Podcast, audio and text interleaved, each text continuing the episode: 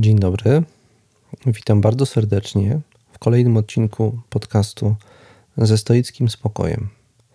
Tematem dzisiejszego odcinka jest kosmopolityzm, a okazją czy pretekstem do jego nagrania są wybory do Parlamentu Europejskiego, gdzie z ust wielu kandydatów podczas spotów reklamowych czy wieców politycznych pada słowo kosmopolityzm. Przypuszczam, że każdy z nich, wielu z nich ma na myśli, używając tego określenia, inne rzeczy. To też chciałbym wykorzystać ten pretekst, żeby opowiedzieć o kosmopolityzmie z trochę bardziej filozoficznej perspektywy, z perspektywy stoickiej. Oprócz tego mm, wrócę jeszcze krótko dzisiaj do tematu poprzedniego podcastu w związku z pytaniami niektórych słuchaczy z prośbą o rozwinięcie niektórych wątków. Mm, przypomnę, że poprzedni podcast zatytułowany był, czy poświęcony był ćwiczeniu stoickiemu określonemu mianem melete tanatu. I o tym ćwiczeniu też dzisiaj jeszcze trochę powiem. Spróbuję, to jest dla mnie dzisiaj wyzwanie, połączyć te dwa tematy. Ćwiczenie melete tanatu, nawiązanie do ćwiczenia melete tanatu i motyw kosmopolityzmu w filozofii stoickiej i nie tylko stoickiej. Zapraszam bardzo serdecznie.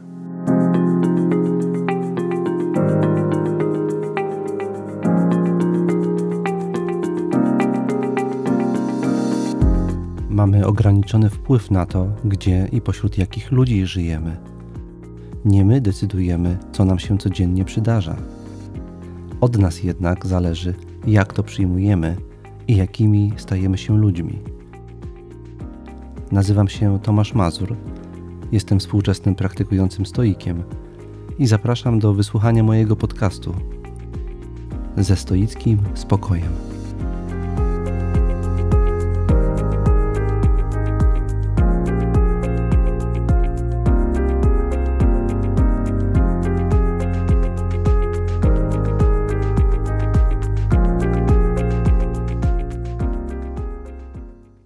Zacznijmy od przypomnienia, że ćwiczenie, o którym mówiliśmy poprzednio, o którym mówiłem poprzednio, meletę tanatu tłumaczymy na język polski jako medytacja nad śmiercią, czy rozważanie o śmierci. Istotą tego ćwiczenia jest uzmysłowienie sobie z jednej strony swojej śmiertelności, skonfrontowanie się z wyobrażeniem własnej śmierci, tak aby przez ten punkt odniesienia właśnie do możliwej, być może całkiem bliskiej śmierci, przywrócić właściwą perspektywę sprawą, przestać koncentrować się na rzeczach mało istotnych, które niepotrzebnie na co dzień zaprzątają naszą uwagę i przypomnieć sobie o tym, co naprawdę ważne i skupić się w e, codziennym naszym funkcjonowaniu na tym, co naprawdę ważne.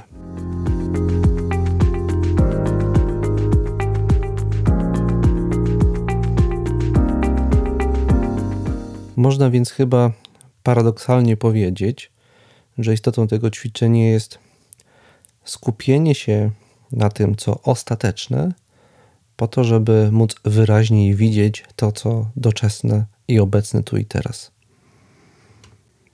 Tak jakbyśmy potrzebowali szkła powiększającego e, czy okularów korekcyjnych, zaprzątnięci się codzienne zaprzątnięcie ogromną ilością szczegółów, jakie na co dzień niesie ze sobą życie, sprawia, że y, zaczynamy źle widzieć sprawy, które nam wydawałoby się kiedyś przyświecały, do których zmierzamy.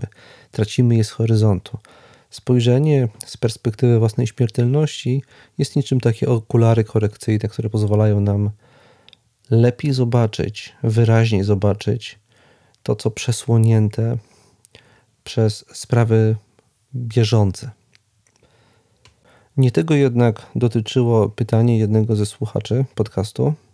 Pytanie dotyczyło tego, czy ćwiczenie Melete Tanatło dotyczy wyłącznie śmierci, która ma miejsce, ma, ma nadejść u schyłku życia, czy też dotyczy śmierci, która mogłaby wydarzyć się każdemu z nas chociażby jutro? Odpowiedź moja, bo to miało miejsce w komunikacji e-mailowej między mną a słuchaczem, wymiana myśli na ten temat. Moja odpowiedź spontaniczna była taka, że oczywiście stoicy medytowali także nad nagłymi zdarzeniami losowymi, które mogłyby w każdej chwili odebrać mi życie, gdzie w, literaturze przyjęło to postać słynnej stoickiej dachówki, która spada z dachu domu i zabija mnie, mimo że w ogóle się nie spodziewałem, że śmierć mogłaby nadejść. Na bazie tego doświadczenia, czy tej metaforycznej stoickiej dachówki, stoicy opracowali pewną wersję ćwiczenia Melete Tanatu, o której chciałem w ramach nawiązania do mm, tematu poprzedniego podcastu teraz y, krótko opowiedzieć. Chodzi o wyobrażenie sobie, że żyjemy ostatni dzień życia. Że ten dzień, który dzisiaj zaczynamy, to należy sobie powiadać to rano, kiedy wstajemy, kiedy y, robimy poranny przegląd siebie, kiedy planujemy sobie dzień, E, jednym z narzędzi, za pomocą którego stoicy proponują zabrać się do planowania dnia, jest właśnie wyobrażenie sobie w duchu, w duchu ćwiczenia melety tanatu, wyobrażanie sobie, że oto przystępujemy do ostatniego dnia naszego życia, że u schyłku tego dnia nastąpi także kres naszego życia.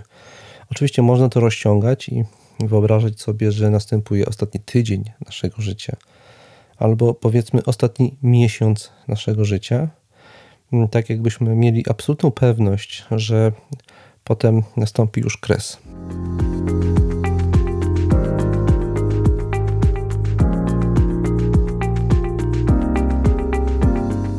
I znowuż, podobnie jak to ma miejsce w przypadku medytacji nad naszą śmiercią, która miałaby nastąpić za wiele lat, także to ćwiczenie e, nie ma w ogóle intencji depresyjnej, nie ma żadnych także skutków ubocznych depresyjnych, jeżeli dobrze je przeprowadzimy, albowiem istotą tego ćwiczenia jest zdolność, czy jest odzyskanie zdolności, po pierwsze, cieszenia się życiem tu i teraz, po drugie, odróżniania tego, co istotne, od tego, co nieistotne w naszym życiu.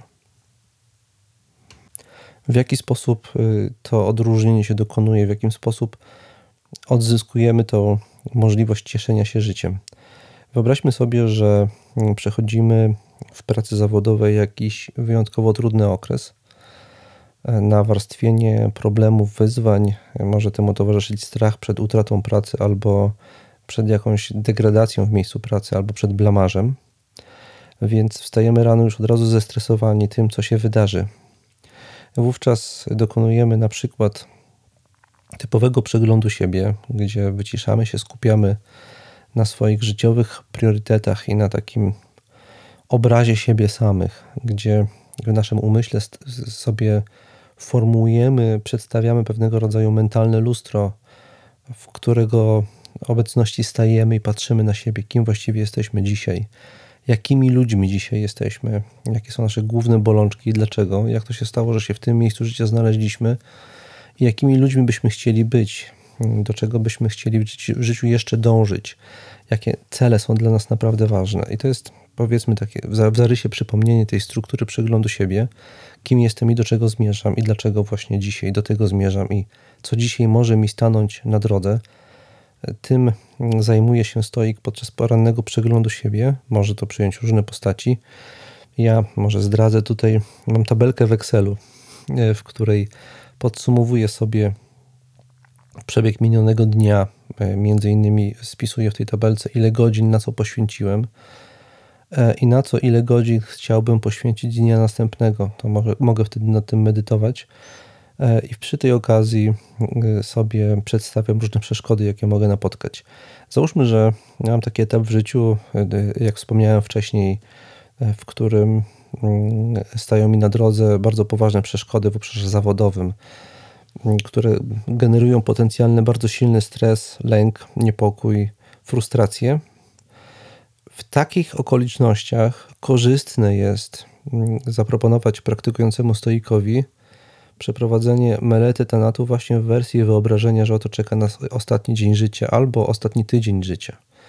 Załóżmy, że jest poniedziałek rano bardzo stresującego tygodnia pracy, gdzie spodziewam się najróżniejszych rzeczy a może nawet boję się spodziewać czegokolwiek, bo po prostu wchodzę do pracy i od razu się bardzo dużo dzieje, także ja nie mam czasami nawet czasu pomyśleć rano, czego się spodziewać, bo i tak wydarzy się coś, co przerośnie moje wyobrażenia.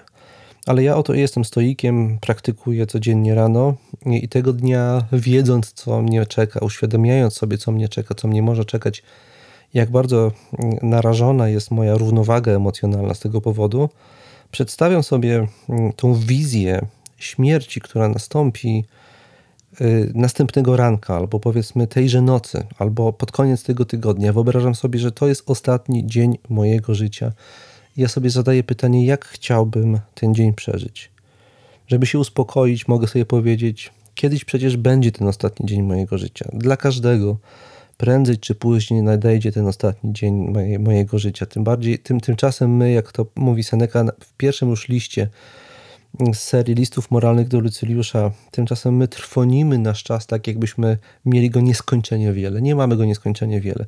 Codziennie marnotrawimy nasze życie na rzeczy, które są błahe, które miną, którymi nie trzeba sobie zaprzątać umysłu tak bardzo, jak sobie zaprzątamy. Można by zupełnie inaczej przeżyć dany dzień założeniem tego ćwiczenia jest wyobrażenie sobie, że musisz robić to, co przypadło ci danego dnia w udziale w związku ze, z Twoimi zawodowymi obciążeniami i rodzinny, rodzinną sytuacją. Czyli nie należy pakować walizek i wyjeżdżać do jakiegoś egzotycznego kraju, licząc, że ten ostatni dzień powinien być jakiś nadzwyczajny.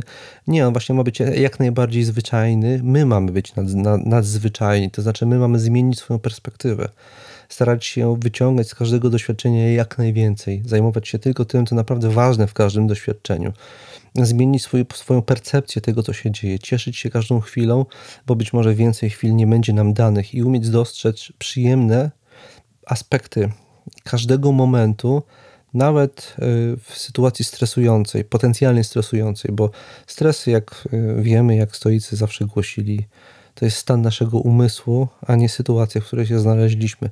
My w każdej sytuacji możemy zmienić sposób, w jaki reagujemy na tę sytuację i nie odczuwać stresu. Na przykład zacząć zupełnie inaczej reagować mm, na to, co się dzieje, zupełnie inaczej do tego podchodzić, starać się z każdego doświadczenia wyciągnąć jakąś naukę, wyciągnąć możliwość mm, zobaczenia czegoś nowego, czego wcześniej nie widzieliśmy. Jeżeli y, patrzymy na dany dzień, na zdarzenie danego dnia, w momencie, kiedy wchodzimy w te zdarzenia, jak na y, y, zdarzenia, które już się więcej nie powtórzą, które zdarzają nam się po raz ostatni w życiu, wtedy, kiedy naprawdę staramy się dziś w głębi siebie w to uwierzyć, bardzo jest duża szansa na to, że zmieni się nasz sposób postrzegania tych sytuacji i nie będziemy zakładnikami tego, co nam się dzieje, bo będziemy potrafili bardzo łatwo odprawić z kwitkiem każdą rzecz, która próbuje zaprzątnąć naszą uwagę, podczas gdy na to w ogóle nie zasługuje. Jakież to więc ma znaczenie, że nie udało nam się dopiąć jakiegoś ważnego kontraktu? Jakie to ma znaczenie, że nie udało nam się zrealizować jakiegoś ważnego zamówienia, że z przyczyn co najmniej częściowo, załóżmy od nas niezależnych, straciliśmy ważnego klienta. Jakie to ma znaczenie, że weszliśmy w zatarg z naszym współpracownikiem, kolegą z pracy. Jakie to wszystko ma znaczenie w perspektywie, w świetle wyobrażenia, że oto na przykład przeżywamy ostatni tydzień naszego życia. Czy nie wolelibyśmy zamiast spierać się, złościć i złorzeczyć, na współpracownika, spróbować zobaczyć w nim człowieka, spróbować inaczej rozegrać tą relację, powiedzieć mu coś miłego zamiast coś przykrego. Czy zamiast zamartwiać się niepowodzenie w jakimś przedsięwzięciu, nie moglibyśmy spróbować je zrozumieć, wyciągnąć z niego jak najbardziej konstruktywne wnioski, a następnie tymi wnioskami podzielić się z innymi ludźmi, żeby razem przy współpracy z nimi następnym razem uniknąć ewentualnych błędów?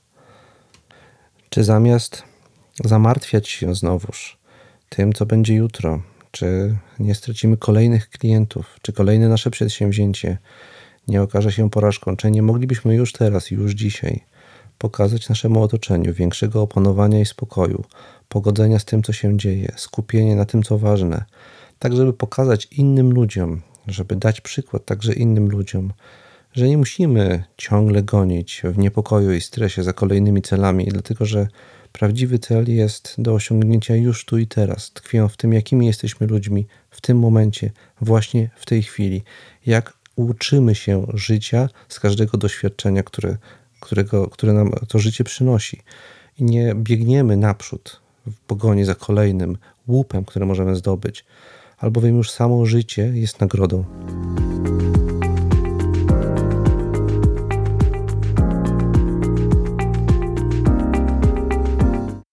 Przy czym, mm, tak jak to już wiele razy podkreślałem, teraz także jeszcze raz chcę o tym przypomnieć, sukces tego rodzaju ćwiczenia, melety tanatu w wersji wizualizacji ostatniego dnia życia czy ostatniego tygodnia życia, sukces w realizacji tego, tego, tego ćwiczenia, tego wewnętrznego procesu myślowego zależy od y, naszej umiejętności wyobrażania sobie, od kompetencji panowania nad własną wyobraźnią, od siły naszej własnej wyobraźni, gdzie siła wyobraźni nie polega na tym, że umiemy sobie coś wyobrazić. Siła polega na tym, że umiemy wyobrazić sobie w ten sposób, iż reagujemy na ten obraz odpowiednimi emocjami. Że nie tylko widzimy, ale także czujemy ten obraz, który sobie przedstawiamy, oddziałuje na całych nas, na to, jakimi jesteśmy ludźmi, i jakie podejmujemy działania. Chodzi o to, że ten obraz już w pewnym sensie jest działaniem. E, I wyobraźnia w tym znaczeniu, siła wyobraźni w tym znaczeniu jest wprost pochodna od naszej, e, względem naszej aktywności.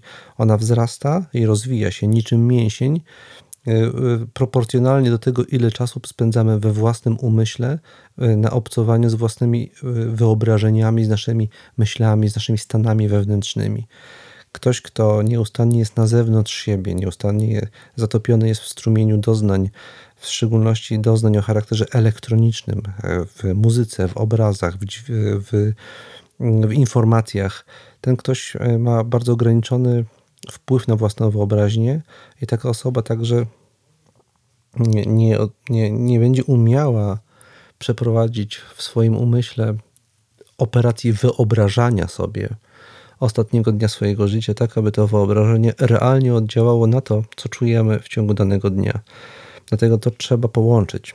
Przeprowadzanie takiej techniki trzeba połączyć z umiejętnością zatapiania się w sobie, przeżywania siebie, na przykład przy, tak jak powiedziałem, przy lekturze, mm, albo y, na spędzaniu czasu samemu ze sobą y, w, w ramach tak zwanej na przykład, jak ja to zalecam niektórym stoikom, ascezy elektronicznej.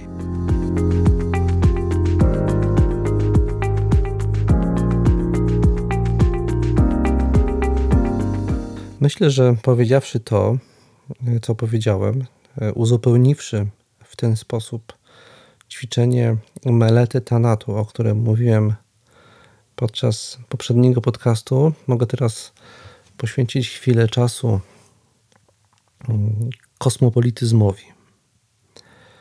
Czym jest stoicki kosmopolityzm i jak on ma się? Obiecałem, że to spróbuję taką analogię czy e, e, związek wykazać jak ten stoicki kosmopolityzm ma się do ćwiczeń typu melete tanatu.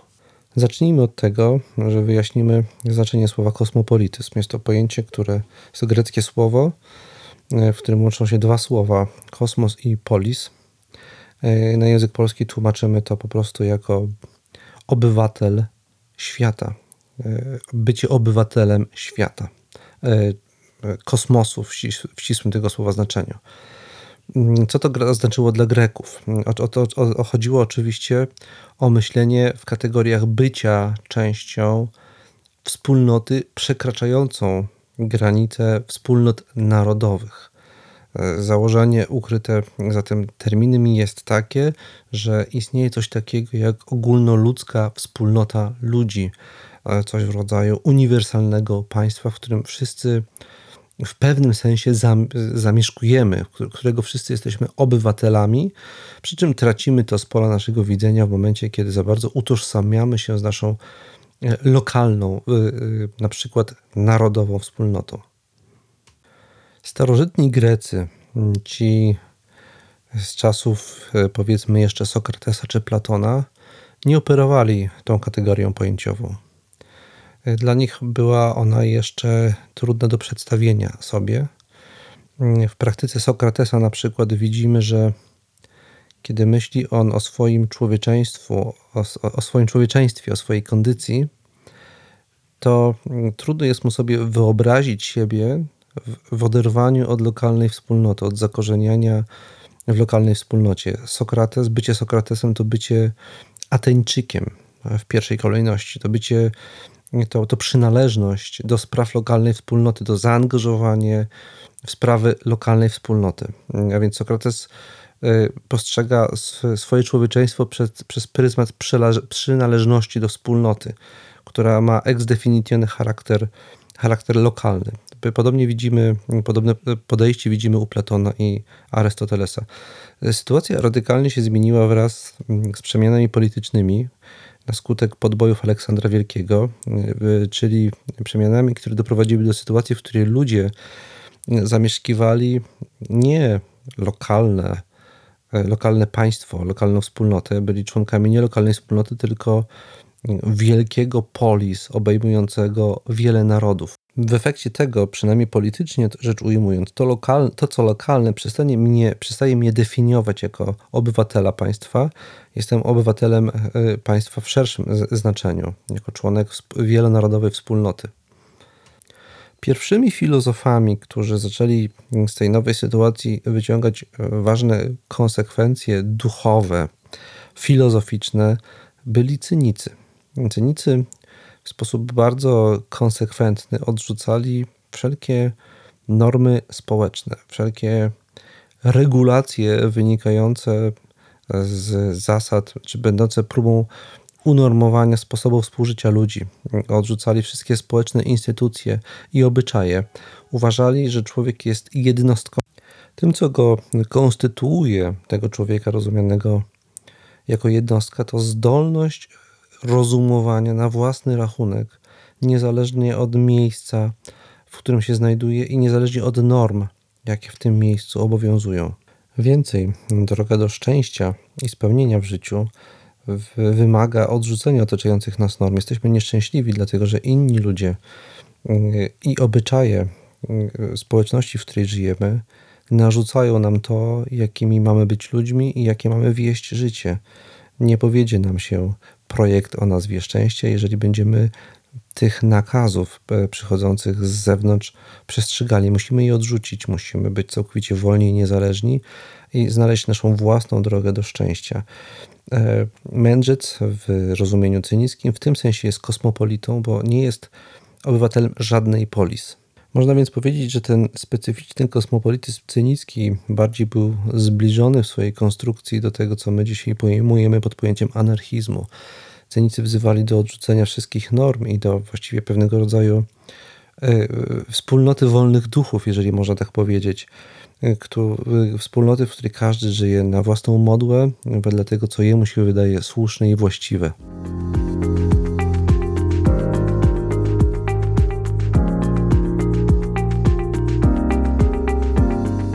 Stoicy byli pod wieloma względami kontynuatorami filozofii cynickiej.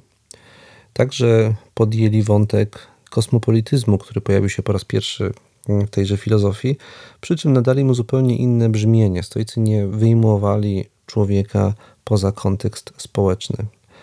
Y, można powiedzieć, że o ile cynicy byli kosmopolitami, dlatego że nie byli mieszkańcami żadnej polis lokalnej, czyli mieszkali poza wszelką wspólnotą lokalną, o tyle stoicy byli kosmopolitami, dlatego że mieszkali we wspólnocie ponadlokalnej. Zakładali, że istnieje coś takiego jak uniwersalna wspólnota wszystkich ludzi.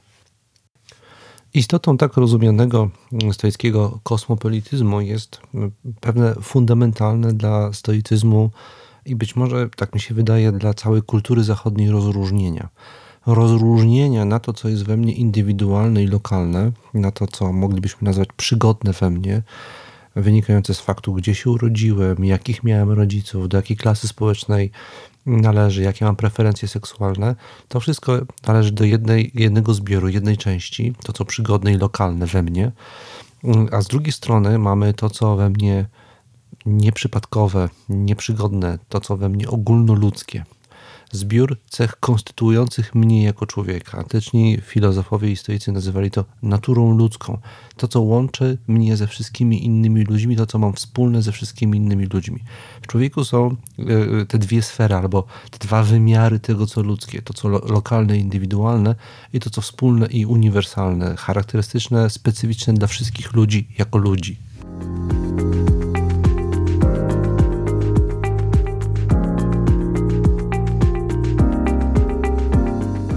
Teraz następne kluczowe dla kosmopolityzmu przekonanie, które głosili stoicy. To, co jest nam wspólne, to, co w człowieku uniwersalne, wspólne jemu i wszystkim innym ludziom, jest ważniejsze niż to, co w nim przypadkowe i indywidualne. Konsekwencją tego przekonania jest, że jeżeli dochodzi do konfliktu między tym, co we mnie indywidualne i lokalne, a tym, co uniwersalne i ogólnoludzkie, ja, stoik, powinienem umieć odrzucić, przezwyciężyć to, co lokalne w imię tego, co uniwersalne. To jest istota i definicja kosmopolityzmu w rozumieniu stoickim.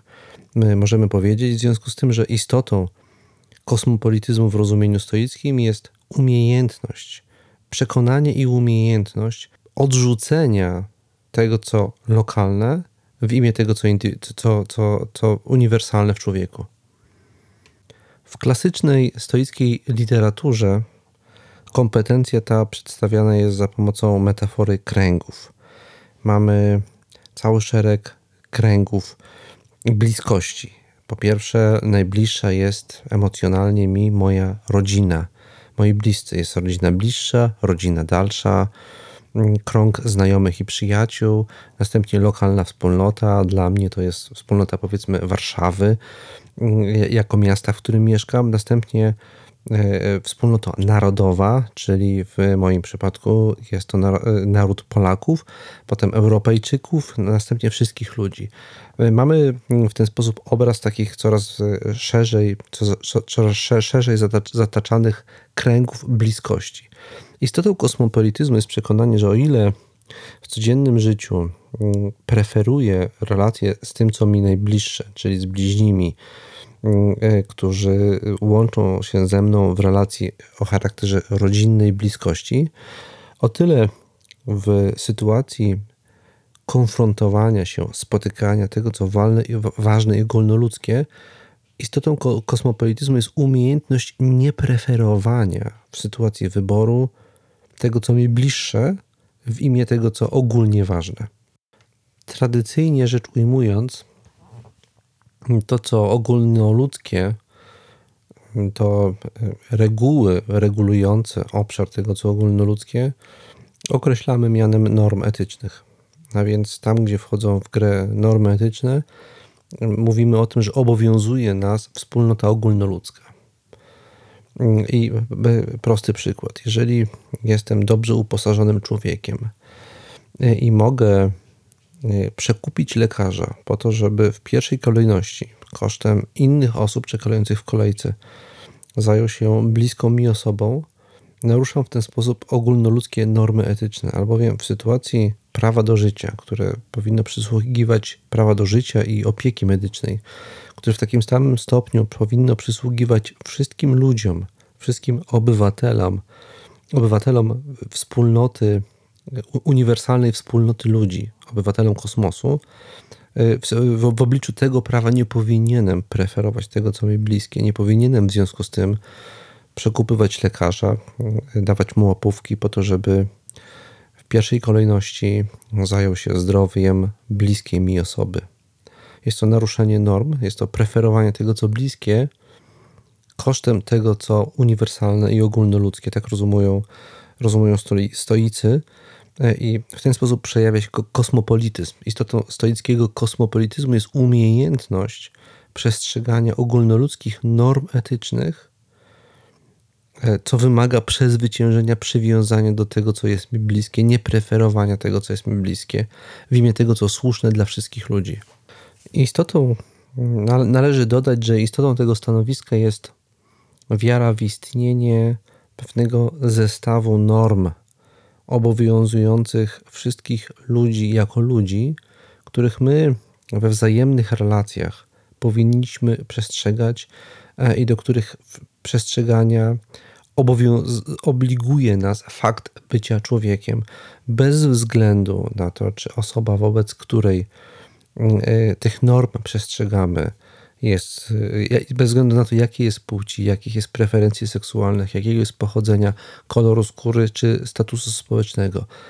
Z punktu widzenia tego, co uniwersalnie ważne, uniwersalnie e, ludzkie, istnieje pewien zestaw norm, których powinniśmy przestrzegać. Kluczową kwestią dla nas dzisiaj jest ustalenie tego zestawu norm i o to się filozofowie mm, e, od początku, od zarania dziejów filozofii spierali.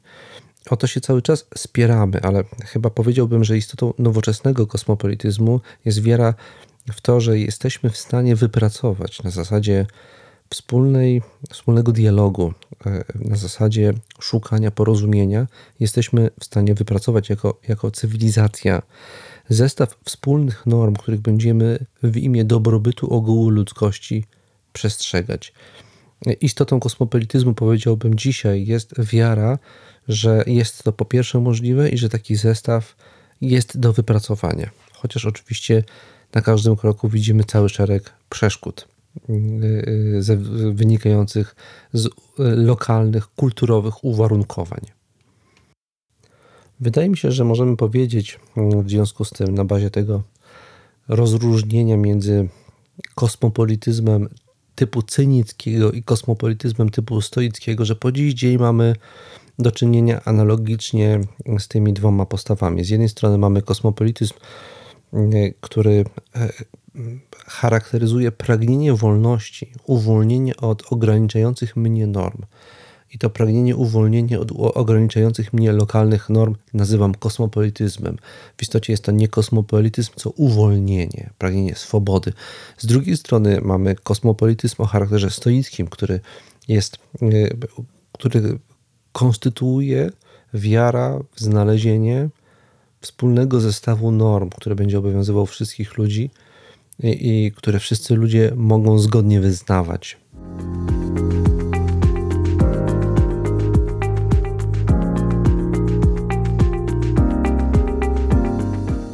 Szczególnie, szczególnie istotne jest to, żebyśmy pamiętali, że specyfiką tego drugiego typu kosmopolityzmu, czy tym, co on od nas, tym, czego on od nas wymaga, jest umiejętność przezwyciężenia, przywiązania do tego, co bliskie, w imię tego, co ważne.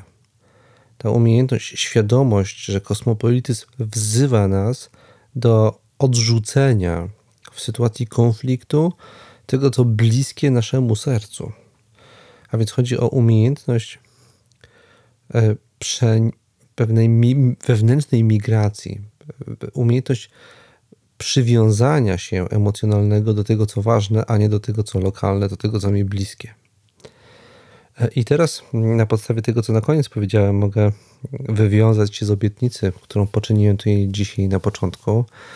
Mianowicie obietnicy, że pokażę związek między ćwiczeniami stoickimi typu melety tanato, a typowo stoickim y, kosmopolityzmem i teraz właśnie chcę to zrobić. Otóż twierdzę, że istotą tych ćwiczeń jest przenoszenie przywiązania. Ćwiczenia stoickie wydobywają z nas na wierzch, wydobywają na wierzch naszej świadomości, przynajmniej w zamyśle, w konstrukcji tych ćwiczeń, to co uniwersalnie ludzkie. Mówiłem wcześniej, że melety tanatu wydobywa na wierzch to, co ważne.